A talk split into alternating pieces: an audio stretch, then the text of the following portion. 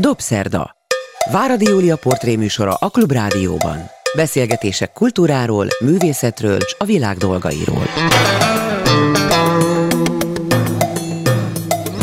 Jó estét kívánok, ez a Dobszerda, én Váradi Júlia vagyok. Jó napot kívánok azoknak, akik vasárnap délben az ismétlésben hallgatják a műsorunkat. Itt ül velem nem egy ember, hanem kettő, pedig a Dobszerda portré vendégeivel egy személyes műsorokat szoktam készíteni. Ezúttal azonban két ember van itt, de nekem van egy erős benyomásom, hogy két test, de egy lélek. Lehet, hogy eltúlzom. Kovács Dominik és Kovács Viktor, vagy Kovács Viktor és Kovács Dominik egy petéjű ikerpár, ezért aztán nagyon-nagyon hasonlítanak egymásra, nagyon rendesek voltak, hogy más színű inget vettek, ezáltal már is tudom, hogy a kék inges Dominik, a fekete inges Viktor, te üdvözlöm mindkettejüket. Amit fontos elmondani, hogy mindketten írók már, drámaírók, novellaírók, eszéírók, rövid történeteket írnak, nem tudom, verseket írnak-e, majd elmesélik, és hogy a többes szám használata az teljesen rendben van, azt abból is lehet tudni, hogyha az ember elolvassa az eddig készült összes interjút, de abból is, hogy mindig ketten jegyzik a darabjaikat, az írásaikat.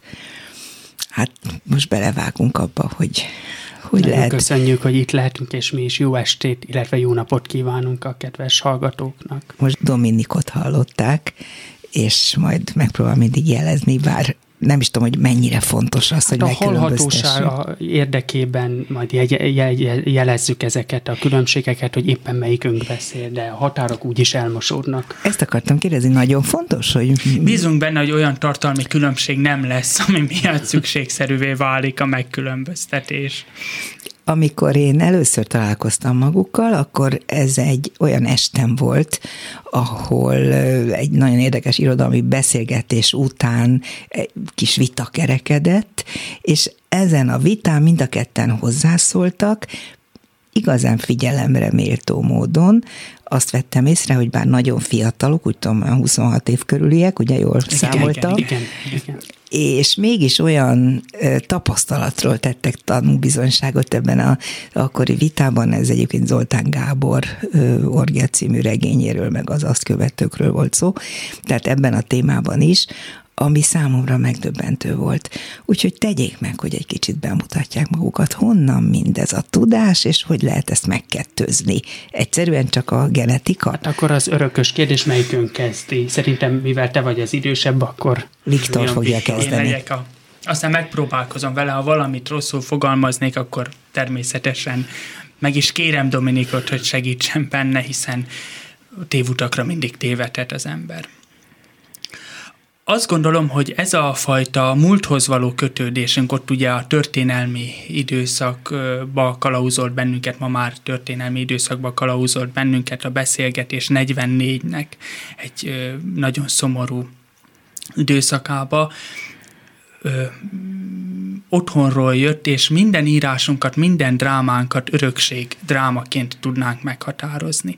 Tehát az öröklött traumáknak, a trauma reprodukciónak, vagy a, a, a sorsoknak az összefonódásának mindig nagyon nagy ö, fontosságát találjuk meg az írásokban, és ezt próbáljuk a hétköznapok során is vizsgálni, kutatni. Ez az érdeklődés, ez abból is fakadhat, hogy a családunkban rendkívül nagy hagyománya volt a történetmesélésnek, a történeti kérdések megvitatásának, megbeszélésének, és a látásmód szélesítésének, ez mindig ö, ö, fontosnak ez tartották. hogyan, miben nyilvánult meg? Azt olvasom, hogy nagymamájuk nagyon szeretett mesélni. Így van, a nagymamánk szerepe is nagyon meghatározó ebben, illetve mindenképpen említeném a dédnagymamánkat is, uh-huh. akit 12 éves korunkig ismerhettünk, ő 1924-ben született. Tehát egy nagyon gazdag élettapasztalat volt az, amit átadhatott nekünk, és és nagyon sok időt töltöttünk együtt. Az ő személyisége, mondhatom, hogy minden nap velünk van, az a fajta formáló hatása történeteinek, az, az erőt ad nekünk, és kiindulási pontot jelent az írásokban. az az elfogadás, a humanitás, ami árad belőle, és emellett a munkaszeretet, a feladattudat. Illetve talán az is, hogy szembenézni bizonyos kérdésekkel adott esetben kevésbé ö, finomkodva, kevésbé ö, színezve a ö, múlt eseményeit, szembenézni, ö, szembe kerülni bizonyos problémakörökkel, fontos is uh-huh. a számunkra, az utókor számára. Akik nagyon már... szép mondatok, amiket most így elmondtak majdnem úgy hangzik, mint hogyha már betanult mondatok lennének, mert annyira sokszor kellett elmondaniuk. Lehet, hogy én egy kicsit meg fogom bolygatni ezt a nagyon gyönyörűen összeállított válaszcsokrot. Beszéljünk egy kicsit a déd nagymamáról. Azt tudom, hogy Simon Tornyán nőttek föl, Pécset Pécset születtek. Pécset születtünk, de tulajdonképp csak megszülettünk ott, mivel koraszülöttek igen, voltunk. Koraszülöttek igen, voltak. Igen, igen. Nagyon? Nagyon, nagyon. Nagyon hét hónap, alig hét hónapra születtünk. És nem is volt hát könnyű hát az eredeti? volt, hogy életben maradunk-e. Talán ez is okozta azt a fajta szoros viszonyt, ami kialakult az idősebb generációval, a szüleinkkel, a szüleinkkel. És első gyerekek Igen, voltak, és egyetlen. és egyetlen gyerekek, gondolom fiatal igen. anyuka, igen, mert igen. hogy a déd nagymama, csak igen, a matematika igen, miatt. Igen. Simon tornya volt az a hely, ahol, ahol az életük gyerekként zajlott. Igen, viszont a nagyszülői háttér, a családi háttér az jobbára a szomszédos településhez, Cecéhez köthető, tehát ezek az élmények is Cecén értek bennünket a nagyszülői házban, illetve két házal arrébb a dédnagymamánál. Cece, egri csillagokból? Emlékszem a névre? Igen. így van. Egyébként ugye I. és Gyula és német László ír erről. Van. A... Tehát egy olyan környezet nyilván, ahol egyrészt a város is közel van, de hát azért ez vidék, ez igen, a falu. Igen, egyértelmű. A nagymama és a déd nagymama akkor milyen háttérből érkezett? Hát ők tulajdonképpen gazdálkodással foglalkoztak. Gazdálkodó családból érkeztek, és egy nagyon különleges tapasztalatot képviseltek, ugye mindig egyfajta tovább lépésnek, az újnak a kutatása, a tehát ők nem kutattak szerintem, hanem egyszerűen csak Ha szembe jött velük egy új így van, információ, így van. így van, szembe jött velük egy új információ, lehetőségét látták a fejlődésnek, akkor azt megragadták, és édesanyák. Példák vannak erre? Hát például a dédnagymamánk az összes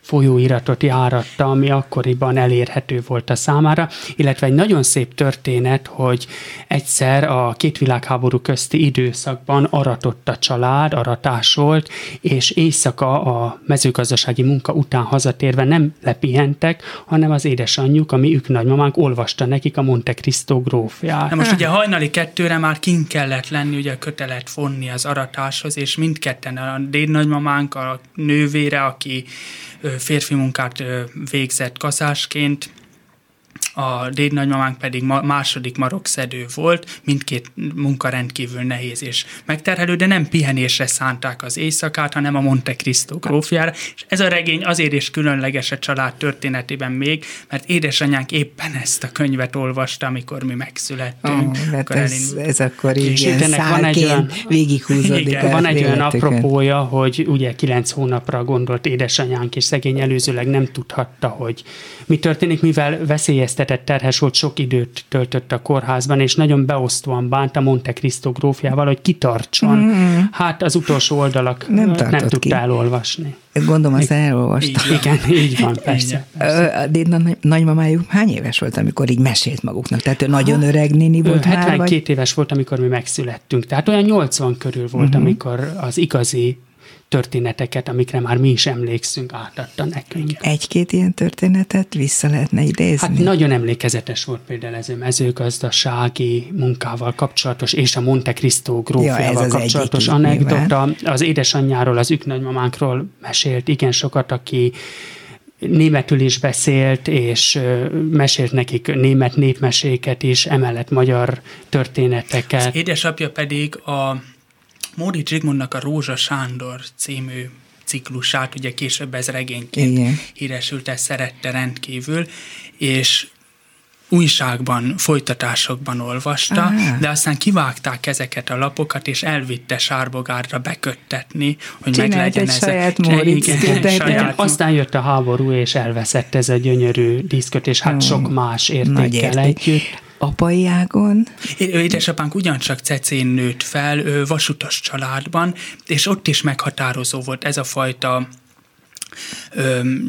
kultúrára való nyitottság, gondolkodás a nagyapánkról sokszor megjegyezték, hogy járatta az élet és irodalmat Na, például, mondja, és a nagynénénk, aki pedagógusként Igen, helyezkedett el Simontornyán, tulajdonképpen ő volt az első, aki Simontornyára került a családból, ő nagyon sokat foglalkozott velünk gyerekként, tehát a számára is fontos volt az, hogy ideje korán operába járjunk, színházba járjunk, és ő volt... Tornyáról operába, hogyan? Szervezték a bérletet annak igen, idején. Igen, hétvégente mindig mentünk az Erkel színházba, akkor volt, hogy az Erkelt felújították a táli Angliában voltak ezek Tehát az előadások. vonattal följöttek Pestre a gyerekek, igen, és igen. így mentek operába, Édesanyánk vagy a nagynénénk vitt bennünket, fantasztikus. és fantasztikus előadásokat láttunk a az Mire? első, ami megmaradt bennünk például 2003-ból, 2004 tavasza volt talán, már első osztályosak voltunk, ez egy János Vitéz például. És Amire Kalmár aztán most volt a... így, ugye mostanában valami János Vitézhez kötődő dolog is íródott, ha jól olvastam. Igen, vagy például a varázsfúvola is Igen. a szöktetése szerájból. szöktetése szerájból, akkor Carmen, ha jól emlékszem, Szinetár Miklós rendezése 2003-ból. Fantasztikus előadások voltak. Ajdára vittek Felejtetetlenek voltak, akkor. És hát nagyon nagy hatással volt ránk akkor az opera irodalom, a librettók is különösen, mert az első mesejátékunk, ami egy gyereki kezdemény volt tíz éves korunkban, az karácsonyi egy karácsonyi téma. Igen, igen. igen, ebből felkészültem. És a tíz nagy... éves korunkban írtak igen, egy de hát az olyan mesejáték volt, hogy opera librettók nyomán nem monológok voltak benne, hanem ária szövegek. És maguk nem, énekelni is tudnak énekelni, szépen? Szoktunk, tehát igen sok népdaléneklési versenyen vettünk részt a középiskolában, de ez nem zenés darab volt, tehát mi prózának szántuk, és amikor a nagynénénk olvasta ezt a szöveget, akkor elfogulatlan volt, hát most ezt idézőjelbe teszem, tehát bizonyára dolgozott benne a, az elfogultság, de betanította az osztályának, és előadták egy karácsonyi ünnep, műs, ünnepi műsor keretében. Hát de nem a maguk osztályának, hanem nem a egy másik egy másik osztálynak. És látták is? És látták, sőt, akkor szerepeltünk is benne. Tehát ja, szerepeltek benne, igen. és mit játszottak? Hát, hát mi intrikusok voltunk. Mind a ketten. Nem lehetett volna, hogy az egyik jó, a másik rossz. Nem, mert az a fajta dramaturgia, dramaturgiai izgalma a kettőségünknek mindig izgatott bennünket a drámaírás során, most is sokszor indulunk ki ebből, hogy a duplázás az alapvetően dramaturgiai szükségtelenség, hogy két embernek folyamatosan azonos Azonosan motivációja szerepen. legyen, viszont nagyon izgatja a drámairodalmat, nagyon érdekes figurák vannak ezek a szimbiózisban levő. Emlékeztessen a Rovizinski, Dobcsinski, vagy egy könnyedebb kultúra Mágnás Miskából Mixi és Pixi, tehát ja, hogy ezt használta alapvetően a Ő sokat használják, a varázsfúvolában is Varázsfúvolában is a három, nem csak kettő, nem csak hanem kettő, a három hölgy, három fiú. Így van. Értem, tehát akkor a duplázásnak igen. a dramaturgiai igen. vonzatai érdekelték igen. magukat, mint akikkel ez történik. Pontosan, mert az szerint. mindig bántott bennünket, amikor egy mesében vagy egy történetben hallottunk ikrekről, és az egyik az jó volt, a másik rossz, mm. mondtuk, hogy ez nem létezik. Irreális. Hát, irreális. Mi nekünk minden gondolatunk szinte közös volt, vagy mindent megbeszéltünk egymással, teljesen felesleges a jellemet ilyen sarkossá tenni. Sose verekedtek? Nem. Nem. Sose Talán... veszeket? Veszekedni minden szoktuk. nap vezekszünk írás közben, úgyhogy az egy Ez kell is valahol. És kisfiúkorukban? Hát lehetséges, hogy akkor igen, olyan konkrét emlék nem maradt meg, bizonyára. Az nagyon-nagyon érdekes dolog lehet, és hogyha ezt egy pszichológussal meg lehet beszélni, és bizonyára már volt ilyesmire alkalmuk, ahogy hogy működik ez a kettős, vagy megkettőződött lélek vagy személyiség, tehát hogy mi az, ami tényleg teljesen azonos, és mi az, ami különböző, meg gondolom olyan is van. Mm. Miben különböznek? Hát például az írás területét, ha vizsgáljuk, akkor tudok különbségekről beszélni az előzetes folyamat során.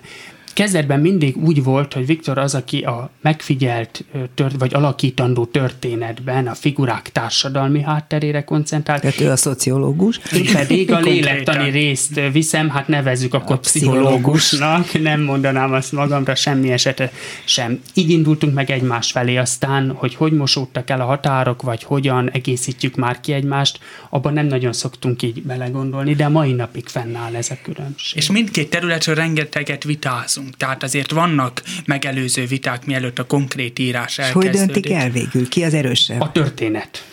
történet a legerősebb. Nem, nem fordul elő, hogy az egyikük alávetti Ilyenkor magát nem, a ilyenkor másik? nem sajnáljuk az időt, azt mondjuk most nézzük meg így, és akkor elkezdjük úgy írni. Áhá, ha tehát a- nem működik, akkor a visszafordul. opciókat Abszolút, végig abszolút. Az ö, egész erről szól, és igazából az egy nagyon fontos feladat a számunkra, hogy ne legyen ö, túl szűkös a határidő sosem, mert kellenek a napok, a rászánt napok, a rászánt órák, és akkor kiszakadni a világból tulajdonképpen, amire nagyon kevésszer uh-huh. nyílik valódi lehetőségünk, hiszen ugye doktori tanulmányokat folytatunk, korábban ugye alapképzés, mesterképzés, betáblázott Eltérezett. és doktori már doktori iskolások, igen. Nagy megtiszteltetés a számunkra. Akkor mindjárt doktor kovácsok lesznek? Igyekszünk. Igyekszünk. Igen, bár ugye bölcsészettudományokban nem kevésbé használatos, úgyhogy Mind a ketten ugyanazt a Közelítenek képzést a tihhoz, a felvilágosodás kori Dráma. drámai irodalom. Tehát mind a ketten ezt választották. A fő terület az ez, én És mi a jobbára a, különbség? rémdráma, a traumakultúra összefüggését Hm. vizsgálom, különös tekintettel Cakó Zsigmond irodalmára. Mint Én pszichológus, ugyebár. Igen. Én pedig az intrikusé alakábrázolásnak a Pesti Magyar Színház 1837-es intézményősülését követő időszakban a repertoáron való jelenlétét, hogy mi az, amit az osztrák, vagy francia, vagy nyugati színházkultúrából kölcsönzött a kiépülő, meg kialakuló magyar ö, vígjáték és tragédia hagyomány. Most például a népszínműre is egy echte magyar műfajként gondolunk, holott ha ezt analitikusabban vizsgáljuk, azért rendkívül izgalmas előzményei vannak a Folstük, a Lokástük, a Zauberbusse, mind osztrák. Ötöst adnék most azonnal. Próbálom elképzelni, hogy hogyan dolgoznak.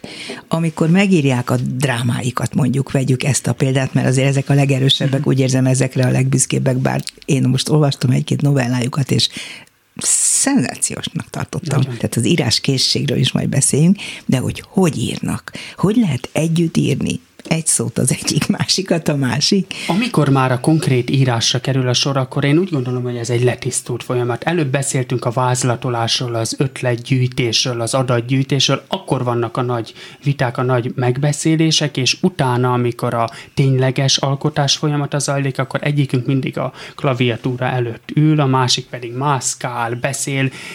Valahogy az átélés írásában hiszünk. Ez nagyon szép, de konkrétan kiírja le a mondatot. változik, folyamatosan változik, állandó helycserék vannak ott a laptop előtt, mert hiszen a gondolattól függ. Tehát egy laptop Sokszor van. Figyeljük egymást, és amikor ugye mindkettőnknek a szeme csillog, hogy ez jó gondolat, akkor valaki odaül és leírja. És hogy ki azt az, hogy azt nem nagyon tudjuk ö, Azt eldönteni. éppen a pillanat dönti el. Mhm. És van olyan, hogy az egyikük leír egy mondatot, és a másik azt mondja, "Ö, ö, Ezt, ezt erről mi mindig beszélünk, fenébe." beszélve írunk, tehát mondjuk a mondatokat egymás között, és akkor lehetséges, hogy én mondok valamit, a Viktor pedig még helyesbít, vagy változtat Mhm. rajta, akkor én lehet, hogy vissza. Ez nagyon nehéz, mert zajosak vagyunk, nem csak azért, mert beszélünk egymással, hanem amiatt is, mert egyikünk folyamatosan ott járkál a... Szülők otthon vannak? És, Igen, és, és akkor tetőtéri szobánk van. Tehát Aha, néha do- azért okoz. Ők mennyire vesznek részt ebben, amit maguk csinálnak, és mennyire vettek részt régen? Hát nagyon támogatnak bennünket. Édesanyánk szerepét mindenképpen kiemelném, aki pedagógus magyar tanár, és ő is azok közé tartozott, akik különösen nagy gondot fordítottak a mi fejlődésünknek. Nála is előfordult, és rendszeres programunk volt, hogy nyaranta feljöttünk Budapestre, itt voltunk az ő unokatestvérénél, és akkor ilyen nyári előadásokat néztünk, könyveket vettünk. mindig elolvassa az írásokat, és ő nagyon kritikus szemléletű Ah, áll jó. az égnek. Az nagyon, tehát hogyha van a családban egy kritikus. Igen, Igen. erre azért a környezet, állandó környezetünket mindig rávesszük, hogy, hogy Csak határozottan, csak keményen szedjenek szét bennünket. És fogadják a mama Absz- kritikáját? Hát szeretjük, szeretjük. A, Nagyon szeretjük a kritikát. És apuka? ő is mindig elolvassa. Tehát az édesanyjuk tanár, de az édesapjuk mivel Az foglalkozik? édesapánk ő irodai munkát végez, uh-huh. tehát egy lámpagyártó cégnél. És mind a kettőjüket érdekli a téma, amivel foglalkoznak igen, a igen, fiúk, és igen, az igen, írás, igen, abból édesapánknak és a múlthoz való kötődése, ő nagyon korán elvesztette szüleit, kései gyermek volt. Emlékszem arra, hogy amikor ő korábban szállítással is foglalkozott, akkor kiskorunkba elvitt magával, és az utakat mindig végigmesélte. Élete. Tehát a saját történeteit, a szüleinek az alakját, annak ellenére, hogy mi az édesanyjával egyáltalán nem találkoztunk. Az édesanyja 97 februárjában elhunyt, mi 96 áprilisában születtünk, tehát nincs, nincs közös kép őrzi azt, hogy találkoztunk. De a történeteik ott vannak velünk, mert apuka átadta ezeket. És jól mesél. Nagyon, nagyon jól, nagyon mesél. Jól mesél. Tehát ez nagyon... a fogalmazás készségük, ezt próbálom megfejteni, hogy honnan, honnan jött.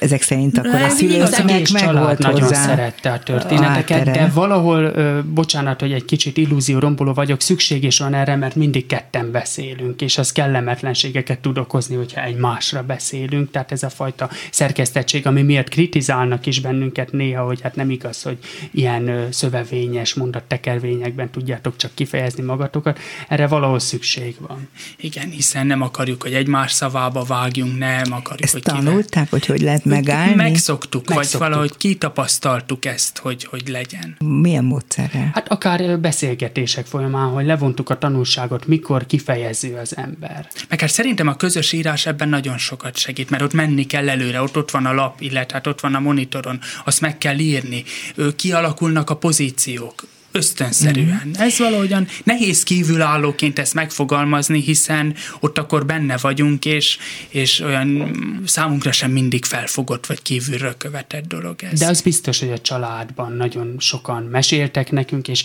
nem akarok elfogult lenni, de szerintem jó mesélők vettek benne igen, körül. Hát ehhez nem kell elfogultnak lenni, a jók voltak a mesék, azt maguk szerették. pontosan tudhatják. Maguk is jó mesélők? Be nem áll a szám. Be nem áll a szám. Tanultuk ezt is. Déd nagymama, tanulták? Tanultuk tőlük. Ja, tőlük. Ránk ragadt, nem tudatosan, tehát nem egy ilyen iskolai szintű tanulásra kell itt gondolni, hanem, hanem valahogy a szokás. Uh-huh. A szokás tehát volt dramaturgiája annak, igen, amit a déd igen, nagymama igen, vagy a nagymama Sőt, nagyon érdekes mi ővele sem találkoztunk, de a nagymamánknak az édesapjáról említik ezt sokszor a családban, hogy rendkívül jó mesélő volt. Mm. Ő neki régi papírjait, iratait találtuk meg, és hát rengeteg ugyancsak könyv, újságcikk, feljegyzés, feljegyzés maradt. Tehát ez a fajta... És nem csak a gyakorlati életnek a feljegyzései, hanem éppen a számára fontos információknak, tudásnak. Amiket a rádióban hallott, ugye ilyen nappal hallgatta a rádiót, és leírta magának, hogy mi történt meg. És jól írta és le. Jól írta le. Mhm.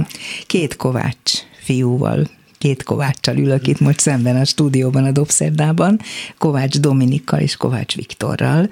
Ők ikrek, méghozzá rendkívül hasonlítanak egymásra, és nem csak külsőre, hanem belsőre is. Ugyanazzal foglalkoznak, ugyanaz érdekli őket, írnak, írók, irodalomtudományjal foglalkoznak, drámákat, novellákat, elbeszéléseket, eszéket, mindenféle műfajt próbáltak már. Verset is írtak? Az nem, ez kimaradt. Egyikük sem? Nem, nem, nem. Illetőleg ugye a drámák betétjeként, ahol ugye kever, dalok. kisebb a tét, dalok, szongok, de ezeket semmiképp sem mes mondanám versnek, még akkor sem, ha mondjuk a monodrámáinkban, ahogyan az értelmezői említették sokszor, sok az úgynevezett lirikus rész, a lírai betét, de mégis azt érzem, hogy versként egy monodráma nem működhet jól. A mi monodrámánk semmiképpen sem, mert éppen az a koherencia, ami cselekményt ad az egésznek, a verset túlírtá értem, teszi. Értem, értem, világos. De túl sok mesélni valójuk van ahhoz, igen, hogy igen, azt igen, versben meg lehessen fogalmazni. Akkor viszont most szerintem legyünk ennél is konkrétabbak, és beszéljünk az írásművekről, amelyek közül ugye a karácsonyi Tény. mesejáték volt az első. Mi volt a második? Hát akkoriban elég sok mesejátékot írtunk, meséket is. Például igen fontos a számunkra azokban az években keletkezett az az írás, amikor a dédnagymamánkat elveszítettünk, és írtunk egy emlékmesét róla. Ezzel neveztünk a Kossuth Rádió nagymese programjára, és nagy örömünkre a 30 legjobb alkotás közé került az írás hangjáték formájában elhangzott annak mm. idején. És milyen érdekes fordulat, hogy akkor Szokolai Brigitta volt a dramaturg, akivel aztán a Színházi Dramaturgok CH által szervezett nyílt fórumon találkozhattunk. Ami nagyon Újra. fontos Ami nagyon, is. Fontos. nagyon fontos írásként emlékezünk arra a 2013 tavaszi szövegünkre, amivel az Erkel diák ünnepeken szerepeltünk. Ez egy akkori bűnesetet dolgozott fel, egy, ö, tulajdonképpen a modernkori rabszolgatartásnak a cseppet sem, hogy is mondjam, könnyű témájával foglalkozunk. Ez a, ennek Piri a főszereplője. Igen, igen, igen. igen. Mi történt ezzel a szegény Pirivel? Hát ő tulajdonképpen állami gondozásból vette ki egy házas pár, egy földbirtokos, mai földbirtokos házas pár, és a család kötelékeibe tartozó rokon, azt hiszem unoka volt, többször megerőszakolta, majd az ebből született gyerekek szintén állami gondozásba kerültek, és hogy a bűnjeleket eltüntessék, megpróbálták meggyilkolni, többször Őt, tetlek, pirit, igen. többször tetlek bántalmazták, szörnyű körülmények között tartották. Amikor először hallottunk erről a történetről, akkor mélységesen felháborított bennünket. Kitől és hallottak erről? Ez, ezt újságban Újságcik? olvastuk, és az a fajta humánum szólalt meg, talán mondhatom ezt, vagy az, az dolgozott bennünk, amit mi otthon hallottunk. Tehát a dédnagymamánk mindig a jótékonyság felől gondolkodott, mindig segített annak, aki bajba került, és, és az értékrendünkkel azt gondolom nem vagyunk így egyedül, egyszerűen felfoghatatlan volt az, hogy ilyen megtörténhet. És ez a 16-7 éves kor az pontosan ezeknek a nagy dac írásoknak a korszaka lehet. Ez egy dac írás Ez egy dac írás volt. De mennyiben volt dac írás? Hát két nap alatt megírtuk ösztönszerűen ö, szomorúságból, elkeseredettségből, Dűből. kis haragból. És tanácstalanságból alapvetően, uh-huh. hogy, hogy miért, miért vannak ezek a jelenségek velünk, miért nem tudjuk elhagyni őket őket. És amikor megírnak egy ilyet, akkor utána van valami megkönnyebbülés? Hát szerintem nincs. Nincs. nincs. Sajnos nincs. Reagálások erre? Igazából nagyon szép eseményeket köszönhetünk neki, hiszen ezzel az írásunkkal aztán részt vettünk az Erkeldiák ünnepeken. Ott igen, akkor és ott nyertek is. Kaptunk, és igen, és találkoztunk a Bárka folyóirattal, akkor ugye ott Itt volt először ilyen publikálni. magas színvonalú igen, igen, irodalmi kapcsolat. Igen, igen. Sok olyan fiatal író fiatalírót, sőt, idősebbet is megérintett az, amit maguk csinálnak, akiknek a neve igazán közismert, és azt is gondolom, hogyha ilyen fiatalon azzal találkoztak, hogy neves magyar írók felfigyeltek magukra, akkor lehet, hogy ez az önbizalmukat erősen elkezdte növelni. Hol tartunk ezzel ma? Hát az önbizalom az egy nagyon érdekes kérdés. Én úgy gondolom, hogy inkább felelősség dolgozik az emberben, ha én valamivel úgy találják ezek az emberek, akiket én nagyon tisztelek, olvastam őket, olvastam az írásaikat. Mondjuk meg, néhányat közül. Megtiszteltetésnek veszem. Hát örültem például, amikor ez a bizonyos uh, díj elnyerése történt, hogy beszélhettünk Kis Ottóval, Lovász Andrával, vagy Elek Tiborral, a későbbiekben Szálinger Balázsal, a Sárvári Diákírók ünnepén Kemény Istvánnal, Vörös Istvánnal, Mezei Katalinnal, és természetesen a korosztályunkkal. Ott például egy nagyon szép találkozási pont volt hasonló érdeklődésű fiatalokkal, nagyon nagy tehetségű kortársakkal. Tehát ez, ez a fajta figyelem, ez felelősséggel is jár. És érdekes érzem. módon ugye az a fajta ösztönösség, hát kétségtelen meg kell, hogy maradjon. Fontos, hogy uralja az embert még most is, de, de ki kell mellé fejlesztenie a mondatról mondatra tudatosságot, és nekünk a Birodalom című novellánkat most utólag elolvasva azt gondolom, hogy részleteiben nem voltunk még akkor Tehát ma már másként írnák, Teljesen nem? más. Nem már... biztos, hogy az jó. Tehát én nem mondom azt, Annak hogy kész akkor a hatása vagyunk. volt, de, de nem csak ezzel a vehemenciával kell hatni, hanem bizony-bizony az apró részletekben is meg kell találni. Ez egy nagy kérdés, azt gondolom az írás tanítás, az is nagy felelősség, mert ha valakiből, valakiből ilyen ösztönszerűen jön a szó, és az íráskészség ilyen erős, akkor nincsen meg annak a veszélye vajon, hogy a profi, professzionális író gondolkodás olyan irányban befolyásolja ezeket a képességeket, hogy esetleg visszaszorít valamit, ami egyébként föltörne. Hát itt említeném a Színházi Dramaturgok Céhének a Nyílt Fórum programját, ahol megkaptuk azt a tanácsot, ezen a programon a Jégtorta című drámánkkal vettünk. Az németül is megjelent, és be is mutatták. Igen. És ott nekünk ezt nagyon sokszor elmondták, és úgy érzem, hogy segítettek nekünk ebben, hogy maradjon meg az a szuverénnek nevezett hang. Nem szeretem magam dicsérni, de ezt De legyenek azok, akkor... akik. Igen. igen, igen, ez mindig fontos. Van egy, egy időszak, ameddig agyalunk azon, hogy hát igen, vannak a tehát az ember látja maga előtt az alkotói hibáit. De egészen addig, ameddig az olyan rágódik, hogy ezek vannak, addig nem tudja kijavítani őket. Feszélyez is, nem? Igen, Tehát óhatatlanul feszélyez. Ezt le kell küzdeni magunkban. Nem Tehát ez egy könnyű. nagyon nehéz. Az, kezde, nagyon jellemző ránk ez a e, toporgása a nekiállás előtt, hogy, hogy ott van a rengeteg ösztöni vehemencia, minden, és hogy ne El tudnám így is kezdeni, de inkább így De kezdeném azt mondta el. valaki, hogy hát nem olyan jó, hogy így igen, kezdeni, igen, ú, akkor igen, lehet, hogy nem így van. Ez egy nagy dilemma, Szó- és most visszakanyarodnék az önbizalom szóhoz. Nem az önbizalom segít nekünk, a témába való bizalom inkább. Tehát, hogy meg tudunk-e találni egy olyan figurát, egy olyan jelenséget, egy Igen. történetet, hogy na igen, ez ő lesz ez az, aki üthet. átvezet bennünket. Hát akkor nézzük a darabokat. Már említette a jégtortát, ami Zürichben, azt olvasom, bemutatták, és sikerrel, németre lefordítva, de angolra is lefordították. Miről szól a jégtorta? Ez voltak éppen egy abúzus történet, Igen. egy apa-lánya kapcsolat, a kényszeres egymásra utaltságnak és az öröklött traumáknak a mindennapokban felszínre törő drámája. A legaktuálisabb kérdés, nem? Hát igen. Most kerülnek felszínre ezek a Igen, történetek. igen. Ismertek ilyet személyesen a környezetükben? Ez Ezt a milliót, amit a darabjainkban ábrázolunk, nem feltétlen érezzük homogénnek a probléma felvetéseinkkel. Úgy akartuk megírni Ezt még ezeket. egyszer, ezt nem értettem hát a pontosan. általános problémákat választunk ki, olyan uni- univerzális Mhm. problémákat, Amik nem, a, ne, ne az legyen, hogy... köztudatot? Igen, Egyrészt, igen, amiket aktuálisnak Értem. És ebben nem jó, hogyha egy réteget kijelölünk, hogy na ez náluk történik csak, mert az a szomorú tapasztalat, Mindenhol. hogy bárhol megtörténhet, és fontos, hogy ez hol Tehát egy ilyen történetet jól megcsinálni, megírni, jól ismerni a hátterét, ahhoz nem árt, ha az embernek vannak legalábbis elbeszélt ilyen tapasztalatai. mondaszerű, mondaszerű, nem tudnánk kiemelni alapvetően a, a Azt az egy az, az, történetet. az, az egy történetet, és nem is feltétlenül akarunk ilyen formán konkretizálni semmit, mert egy nagyon súlyos téma.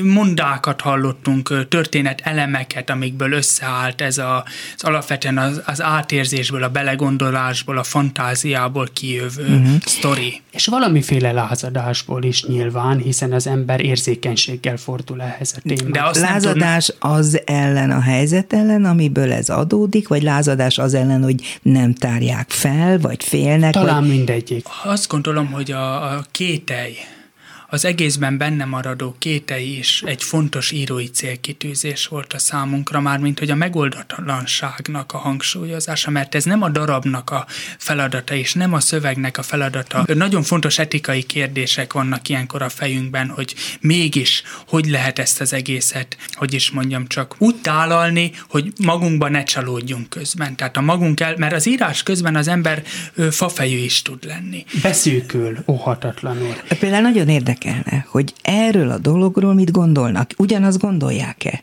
Volt-e olyan, amire azt mondta az egyikük, hogy hát azért érthető ez az apuka valamennyire, vagy hát azért Hát a, a- lány is hát a- hibás, vagy nem A- tudom. a- Így, így jelle, személyiségre lebontva, vagy egyikünk így gondolta volna, másik Az úgy nem. gondolta, nem. Tehát a fontos kérdésekben egyetértettünk, ez egy mérhetetlenül nagy tragédia, és nem, nem lehet vitatni az apa felelősségét. Talán-talán a történelmi helyzet, a személyközi kapcsolatokba beívódó traumák azok, amik, amik bizonyos értelemben Gyuri bácsi, tehát az elkövetőt is áldozattá tesznek. Ő egy valamikori gazdag, Gazdag. családból származva elveszít mindent, és ezt a fajta birtoklási ösztön terjeszti ki a lányára. Itt jött a Már- pszichológus Igen, Dominik. már mint ö, cukrászmesterként itt jön a szociológus. Szociológus, igen. Hát a Gyuri bácsival azért volt fontos nagyon sokat foglalkoznunk, mert meg kellett érteni. Tehát úgy nem lehet, megvetésből sem tudsz, tudunk mi például, csak és kizárólag megvetésből sem tud az ember jól ö, fogalmazni, vagy alakot megteremteni. Ki volt a Gyuri bácsi? Ismertek hozzá Ez hasonlót? nagyon fontos, hogy konkrét példákból nem indultunk ki, ne, mindig fiktív történeteket Jó, ezt írunk. tudom, csak Ez hogy a volt-e mintájuk, vagy példák? Indulatokat láttunk, Aha. legváltozatosabb forrásokból. Miket olvastak el hozzá? Igazából konkrét felkészülési folyamat, azért nem mondanám, hogy volt, a vázlatolás az megtörtént, de igazából ez egy jóval ösztönébb játék Igen, volt Érdekes. ösztöni, teljesen ösztöni. Azt gondolom, ami az egész működésünkben talán készségszerű lehet, az a beleérző képesség, ez az át, hogy a, nálunk ez nagyon fontos, és valahogyan soha nem alanyi szövegeket írtunk, tehát nem egy 19 vagy 20 éves vagy 26 éve, most próbálkozunk nem, ilyesmivel. Kívülről, felnőtt szemmel néznek igen, magukra. igen, igen. Igen, de, ugyan... de közben meg az is taszít bennünket, és abban is próbálunk egyensúlyozni, hogy ne a kívülálló perspektívája legyen, mert az nekünk, Aha. lehet, hogy valakinek működik, de nekünk nem működik, hogy, hogy úgy belelátok egy kis közösségbe, vagy egy családba, és úgy mondok róluk valamit, hanem legyek ott, lássam, hogy mit érez a Saci, Értsem mit érez meg, a Gyuri hogy bácsi. mit- Igen, értsem Gyuri bácsit, ha jól tudom, Hegedűs ő játszotta. Hogy? Igen. Fantasztikusan. A vele való találkozás úgy érzem, hogy sokat formált rajtunk, és egy nagy példaszerű tapasztalatrendszert adott át az alatt az idő alatt, amíg a felolvasó színházi bemutatóra készültünk. Az az alázat, az a fajta kíváncsiság és professzionalitás, amivel ő a szövegünkhöz fordult. Hangsúlyozom, hogy 21 évesek voltunk. Beszélgettek is egymással sokat? sokat, sokat, sokat, sokat, sokat, sokat. És segített is valamit Igen, abban, igen. hogy a tovább gondolásnál Igen, igen, igen, igen. ez És hát hogy ugye akkor, alakuljon? Akkor már kész volt a darab. Tehát ez a Nyílt Fórum programnak a végállomása volt, hogy teljes felolvasó színházi formában elhangozhat a... rendesen színpadra vinni, csak Svájcban. Svájcban, eddig Svájc. Svájcban. És ott milyen volt a német visszhang, és milyen volt a német előadás? nagyon, nagyon érdekes volt, ahogyan a rendezés, Evelyn Rattering rendezése kulcsokat talált, fogódzókat talált ahhoz a sajátosan Közép-Európára jellemző, vagy Országra, Magyarországra jellemző kultúrára, amiben mondjuk a jégtorta megjelenik, gondolok itt a magyar népdalokra, a nótákra, ők például egy kicsit a sláger kultúrát, Ramli kultúrát, hozták ebbe az egészbe könnyű zenei motiv, song stílus, és ennek nagyon örültünk, hogy úgy láttuk, hogy abban a közegben is, európaivá igen, igen, Igen. működik. Látták mert-? Láttuk, nem voltunk kint, mert pandémikus időszak vagy. volt, hanem közvetítették az Sőt, hát előadást. igazából az eredeti előadás az 2020 tavaszán lett volna, nagyon-nagyon örültünk, a színházi világnapra tervezték Ó. a bemutatót, aztán egy évvel későbbre tolódott, akkor is nagyon örültünk és követtük. Utána volt velünk egy beszélgetés és a rendezővel, hát nagyon izgalmas volt. Beszéljünk arról az írásukról, ami olyan, mint egy mini dráma, egy idős embert eltartó Gabi Mhm. szerepel, egy pár mondatos írásmű Igen, valójában. az egyesség. Olyan volt a számomra, mintha nagyon-nagyon tapasztalt felnőtt emberek, sokat megélt, sok mindent ismerő, felkészült írók, vagy író írta volna. Honnan volt ez a tudás? Ez nagyon örömteli hallani, ez egy nyolc éves szöveg, tehát 2014-ben írtuk, és ez volt az egyik olyan novellánk, Nem amivel voltak még húsz éves? nem voltunk 20 évesek, tehát semmi életünk akkor, De akkor hogy így mondjam, nem. Miből? Hát akkoriban például,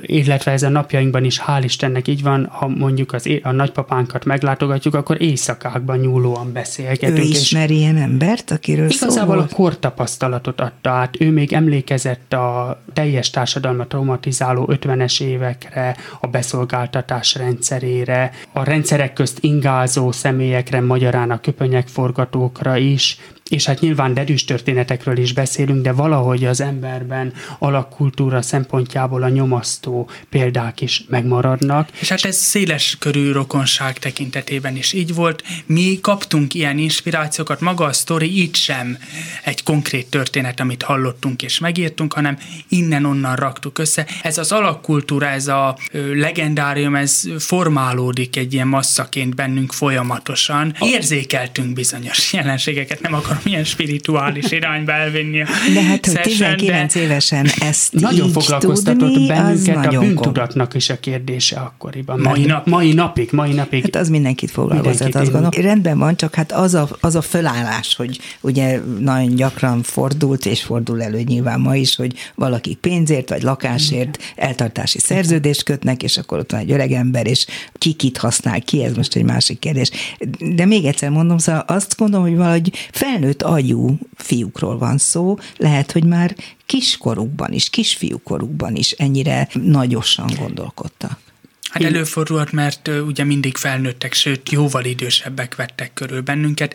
Nem ugye, játszottak be magukkal egyformakorú volt, az gyerekekkel? is volt, játszottunk, voltak Focizta? neki. De mindig érdekelt, mert arról kérdezgettem, emlékszem a barátainkat, hogy a nagymamád mit mesél otthon, vagy a Tényleg? nagymamád hol született, a nagypapád hol született, mivel foglalkozott, és az idősek Tehát a történetei. múlt érdekelte igen, magukat, igen, igen, és az ugye az anyai vonalon egyedüli unokák voltunk, az apai vonalon az unokatestvéreink jóval idősebbek, nem egy nemzedékkel idősebbek, mint mi, tehát mi egyedüli gyerekként nőttünk fel sok-sok felnőtt körül. És Ez rengeteg- talán ezzel magyarázható. Aztán még egy dolog feltűnt nekem, olvasva egy kicsit, amiket írtak, nagy élvezet olvastam tényleg, most szembe dicsérem a két fiatalember. És zavarba jövünk. A rendszertelen változásainkban, de nem csak ott, tehát másút is, a szóhasználatuk, a fogalom használatuk, a bebegő, a birkaszagú ember, aki nem tudja levetkezni a birkaszagát, a laposra vert horvát manya, és így tovább. Tehát Parti Nagy Lajos jutott nekem eszembe Hát róla. Azért, mert azt gondolom, hogy Parti Nagy Lajos is valamikor 30 évvel ezelőtt, vagy 40 évvel ezelőtt kezdte a nyelvújítást Magyarországon, a magyar nyelvvel és a magyar irodalmi nyelvvel kapcsolatosan, hogy ez hogy jön. Tehát ezek például, ezek a kifejezések, ezek a szereplők, ezek az idiómák, amelyeket kitalálnak, ezeket honnan húzzák elő, melyikük, másik, hogy fejleszti tovább. Hát ez, ez, ez is egy összjáték. Szerintem Tehát- abszolút kölcsönös. Amikor írunk, akkor átmegyünk ebbe a párbeszédbe, mi így beszélünk egymás között, és nem, nem, nem vagyunk abban azzal tisztában, hogy ez egy másik stílus, csak megpróbáljuk elképzelni a személyek gondolkodását, és, és, és ott vagyunk azokban a szerepekben. Tehát szerepek szerint írunk, lejátszuk magunkban Igen, és a karakter egyébként történeteket. mindig az volt az első ilyen ösztönszeri megnyilvánulásunk az írás felé, hogy kiskorunkban elkezdtünk arról beszélgetni, hogy ha ez a nap, ez mondjuk egy tévéjáték volna, akkor hányféle azonos korú színészt kéne fölkérnünk, hogy a mi életünk szereplőjét meg eljátszák. Tehát elkezdtünk Vagy kiket történetben, lehet összevonni? Kik azok, akik hasonló karakterek? Aha, hogy szűkíteni a dramaturgiát. Szerintem a figura... állandóan ezt játszott? Folyamatosan. Folyam- Ez egyfajta fanatizmus volt, és semmiféle, akkor azt kell, hogy még nem volt benne céltudatosság, hiszen gyerekek voltunk, egyszerűen ez volt a létezési formá. Játékaik nem Ja. is nagyon voltak otthon? Hát voltak. mindegyik valahogy ehhez kapcsolódott. A szüleink nagyon jól elláttak ilyen szempontból is bennünket, tehát De anyukám já- mindig mesél, hogy igazából bennünket szórakoztatni kellett, tehát beszélni nekünk folyamatosan, szóval nem lehetett az, hogy kezünkbe adnak egy játékautót, és akkor el van. Bár Ezt így lett volna bizonyos szempontból, mert akkor drága szüleim jobban felszabadulnak, de erre nem volt lehetőség, problémásak voltunk ebből, a- ebből állandóan mesélni kellett nekünk, és hát ugye mindenki dolgozott akkor még a családból, nem voltak a nagyszülők se nyugdíjasok, a 80 éves déd nagymama volt, aki vigyázott ránk, és ő mesélt, mesélt. mesélt, Mesélt. És színházat is játszottak azt is játszottunk. Igen, azt igen, is igen. játszottunk. Na, aztán volt ugye ez a felkérés, hogy Shakespeare drámákra alternatívát Igen. tessék kitalálni. Ez mi volt pontosan? Ez az első magyar webszínháznak volt a projektje, egy 37 részből álló sorozat, apró filmet üdök, fél, Igen, fél egy órás. órás. Ezt kik csinálta? Ez Magács László rendezésében valósult meg, és a Trip hajónak uh-huh. a társulata 2020 nyarán. Mhm. Ez írtuk. már a ez Covid igen. dráma volt, amit Igen. aztán megcsináltak, Igen, ugye? igen, Láng Anna Mária és Mészáros Béla fantasztikus, humoros, groteszk előadás. Nem sikerült megnéznem, de megpróbálom majd. Erről meséljenek egy kicsit, mert nagyon tetszik. Hát nekünk a legjobban már gyerekként is a középső gyerek tetszett a történetben, idézőjelbe tetszett. A Regán, Lír királyról a Lír van szó. királyról van szó, bocsánat, ezt Középső nem mondtam. lány volt a Középső kedvencük. lány, Regán, természetesen szörnyű tetteket hajt végre, ezt a tanulságot is levontuk, viszont érdekesnek és mélynek találtuk az ő pozícióját a testvérek között. A középsőség miatt? A középsőség miatt, azok miatt a tettek miatt, amiket végrehajt, ő az, akiben talán az indulat több, mint a motiváció. Gunerél az idő, a legidősebb testvérő az a szikár, céltudatos, ambícióiban letisztult személyiség, és Regán a végrehajtó. Pontosabban Regánban ösztönszerű ösztönszerűen működik ez a, ösztönszerűen működik a kegyetlenség, ami a testi kontaktot is igényli egyszer. A szó, hogy végrehajtó, az nagyon igen, jó idei valóban. Igen, igen. És Tehát bármit a- hajlandó a- teljesíteni, amiben rosszaság van. Amiben rosszaság. És a felkérés ugye arról szólt, hogy Shakespeare darabjait kortárs jövőbe helyezzük, akár a kortárs irodalom és filmesztétika eszközein keresztül világítsunk meg valamit Shakespeare-nek egy-egy darabjából, ugye nyilván nem teljes darabokat, egy-egy figurát vagy egy-egy szituációt. Azelőtt is tudtuk, de itt aztán végképp meggyőződtünk róla, hogy isteni, fantasztikus alkotó Shakespeare, mert ahány szereplőt húzok ki a kalapból, annyi dráma van ott, És hogy döntötték el, hogy pont a lír király, pont a középső lány? Ott is szerepet játszott, hogy nagyon erősen, a címszereplő ellenére nagyon erősen női történetnek éreztük. persze. Tehát a három lánynak a különböző karaktere, a sztereotípiáktól eltérő kapcsolatábrázolás, ahogyan Cornwall és Regán egymáshoz viszonyulnak.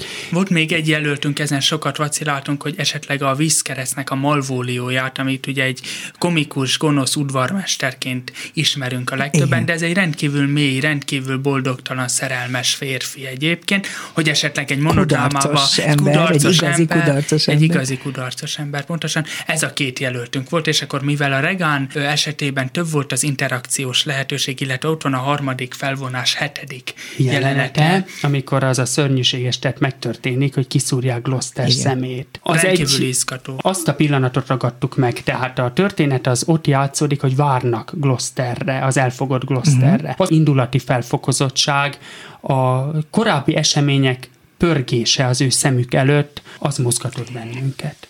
Hogy csinálták a színházat? Hogy látták viszont? Volt egy olvasópróbánk azt megelőzően, ahol találkoztunk a színészekkel, akiket alakításaikon keresztül mindketten ismertünk, és ő, hát találkoztak a szöveggel, és két, nem egészen két hétre rá volt a felvétele a darabnak, hiszen filmetűtként dolgozták fel. Megjegyeztem a napot február 26-a, több szempontból. Pont egy éve. Apropó, és azért is volt ez egy nagyon érdekes nap nekünk, mert akkoriban érvényben volt ez a kiárási tilalom, és ennél szebb kiárási apropót, hogy a saját írásunk forgatására, forgatására. éjszaka, ez, ez minden álmunkat felülmúlta. És ott a, a, a látványvilág kidolgozva, a szituáció kidolgozva, mindennel ott találkoztunk, mert az olvasópróbán csak egy ismerkedés volt, és a két színészben ott volt a karakter. Lenyűgöző volt, hogy ő mennyi, ők mennyi energiát beletettek ebbe az egyébként sokszor prózai módon, epikus módon működő szövegben, rengeteg tudatfolyam technikájú monológ. Ez mindig nehéz helyzet, Meghatott mert bennünket. van, amikor idegesíti az embert a saját szövege, hogy, hogy ú, ezt másképp csinálnám, sőt, hát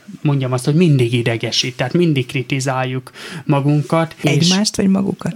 Hát akkor már Vagy nem ez ugyanaz? Nem, ugyanaz. Az ugyanaz. úgy. ugyanaz.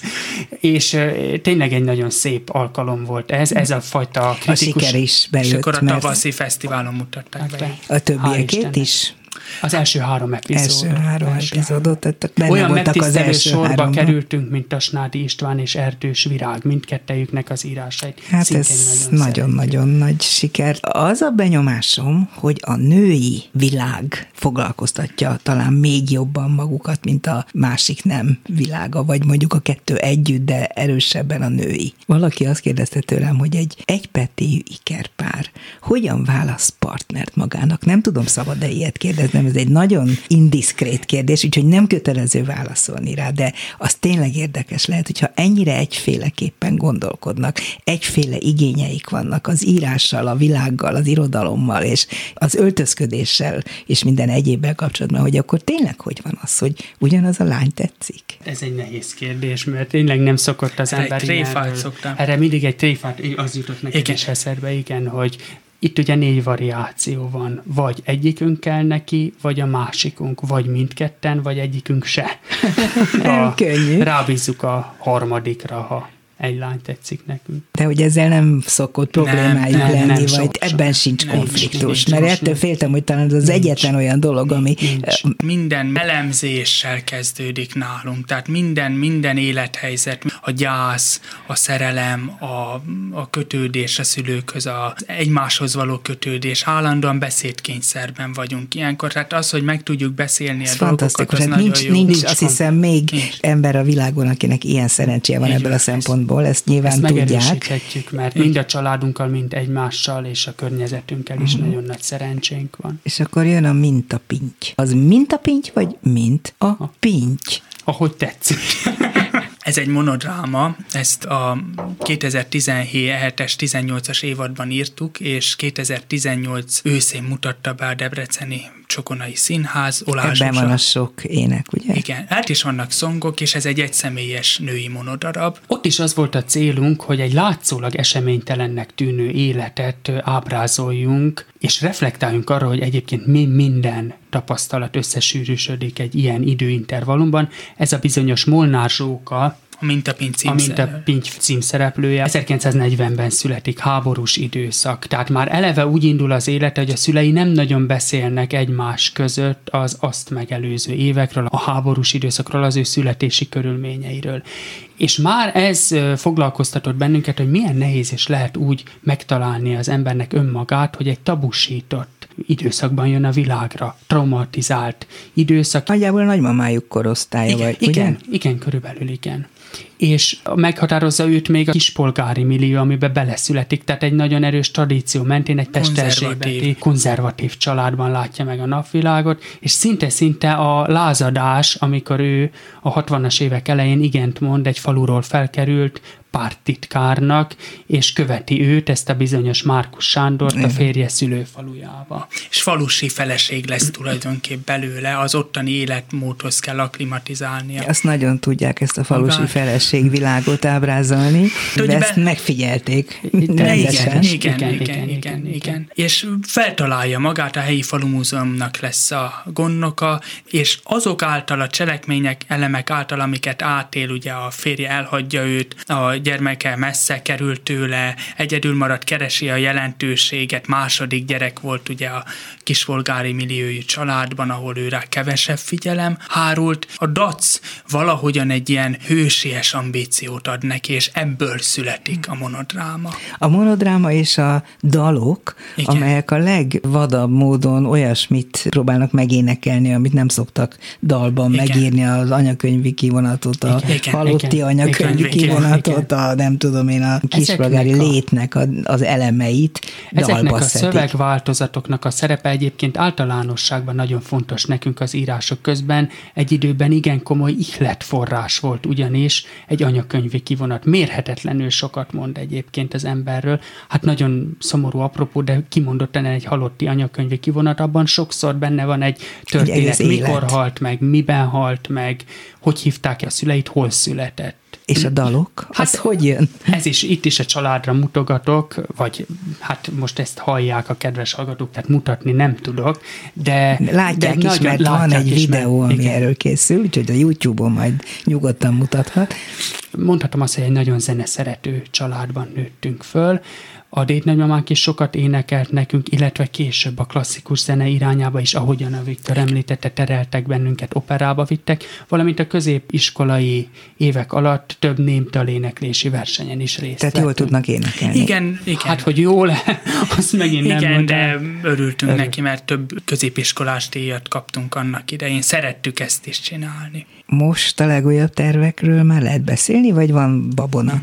Van is, meg nincs is. Jelenleg a Radnóti Színháznak az írói rezidencia programjának vagyunk Ó. a meghívott szerzői, tehát különösen nagy öröm ez az életünkben, Gratulálok. és nagyon köszönjük. És igazából itt is a tanulási folyamat az elsődleges nekünk. Előadás elemzéseket írunk, majdnem minden este színházban vagyunk, és a színházi előadások mögötti folyamatokat is láthatjuk, a próbákat, a rendezői koncepciók felépülését, beszélgethetünk rendezőkkel.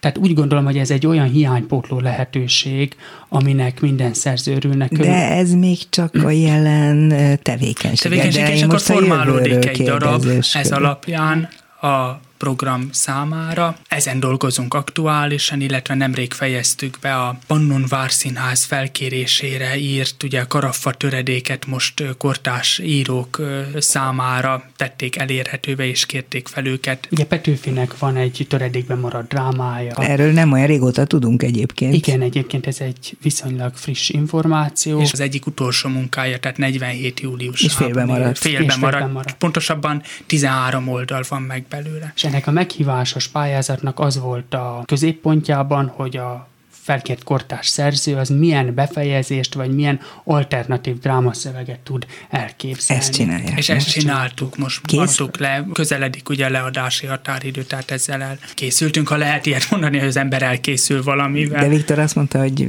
egy új is készül, egy új darabra és ugye is készül az új darab a Radnóti író rezidencia program számára. Téma. Hát itt is egy útkeresés, így vidéki fiatalembernek a, az ambíciója fotósként tevékenykedik, és hogy milyen lehetőségeket tud találni. művészfotós szeretne lenni, tehát van egy ilyen ambíciója. Most egy kicsit ugye a saját korosztályunk és a saját nemünk vele. Nem beszéltünk a közéletről, pedig tudom, hogy nagyon komolyan figyelik azt, ami körülöttünk történik. Ha csak egy mondattal lehetne jellemezni azt, hogy hogy érzik magukat ebben az országban, annak nagyon örülnék. Kortás irodalommal foglalkozó egyénként talán az a mondat foglalja el össze drámaíróként is a működésünket, hogy ez egy szerelmi házasság, kétségtelenül, de nincs az a szerelmi házasság, ami egy jó staférunkot ne bírna el, és hát Szerelmi házasság az irodalommal, Az irodalom. az irodalommal, irodalom- a drámával, de nem az országgal. Mert én most erről ország. kérdeztem. Hát ott is egy kicsit az irodalom felől közelítve, és egy kicsit a családi indítatást is szóba hozva bennünket mindig az elmélyülés irányába intettek, és, és nem, nem tetszik, e- ha szabad így fogalmazni, nem tetszik ez a fajta terjedő felületesség, nem akarok általánosítani, és nem akarok egyéneket megbántani ezzel, de tapasztalunk egy ilyet, hogy minthogyha az összetett történetek nem érdekelnék a, az embereket. De mindig csak az egyik oldalát látják, vagy Igen, a másik igen, oldalát. igen, Ezt akarják igen, ezzel ezzel- mondani. ezt Ezt akarjuk. A beszélgetés azt Fontossága. gondolom, hogy nagyon fontos. Ezt maguk meg tudják tanítani, azt gondolom. Kovács Dominik és Kovács Viktor volt a mai vendégem a Dobszerdában. Nekem nagyon nagy öröm volt magukkal beszélgetni. Köszönöm szépen, Nagyon hogy ide jöttek. Részünkről az öröm és a megtiszteltetés. Köszönjük, Köszönjük szépen. szépen. Kemény Dániel, Lantos Dániel, Csorba László, Budai Márton és Pálinkás János segített a műsor elkészítésében. Köszönöm szépen az ő segítségüket. A műsorunkat láthatják majd a YouTube-on, péntek estétől biztos, hogy fönt lesz, nézzék Viktort és Dominikot, érdemes. Nézzék meg a honlapunkat, mert ott is látnak képeket és információkat a Kovácsi Kerpárról, és mindenhol hallgassák a Klubrádiót, amilyen fórumon csak lehet annak mi nagyon örülünk, és remélem, hogy a hallgatók is. A műsorunkat vasárnap délben megismételjük. A szerkesztő műsorvezető Váradi Júlia volt. Köszönöm a figyelmüket, viszont hallásra! Dobszerda. A világ dolgairól beszélgetett vendégével Váradi Júlia.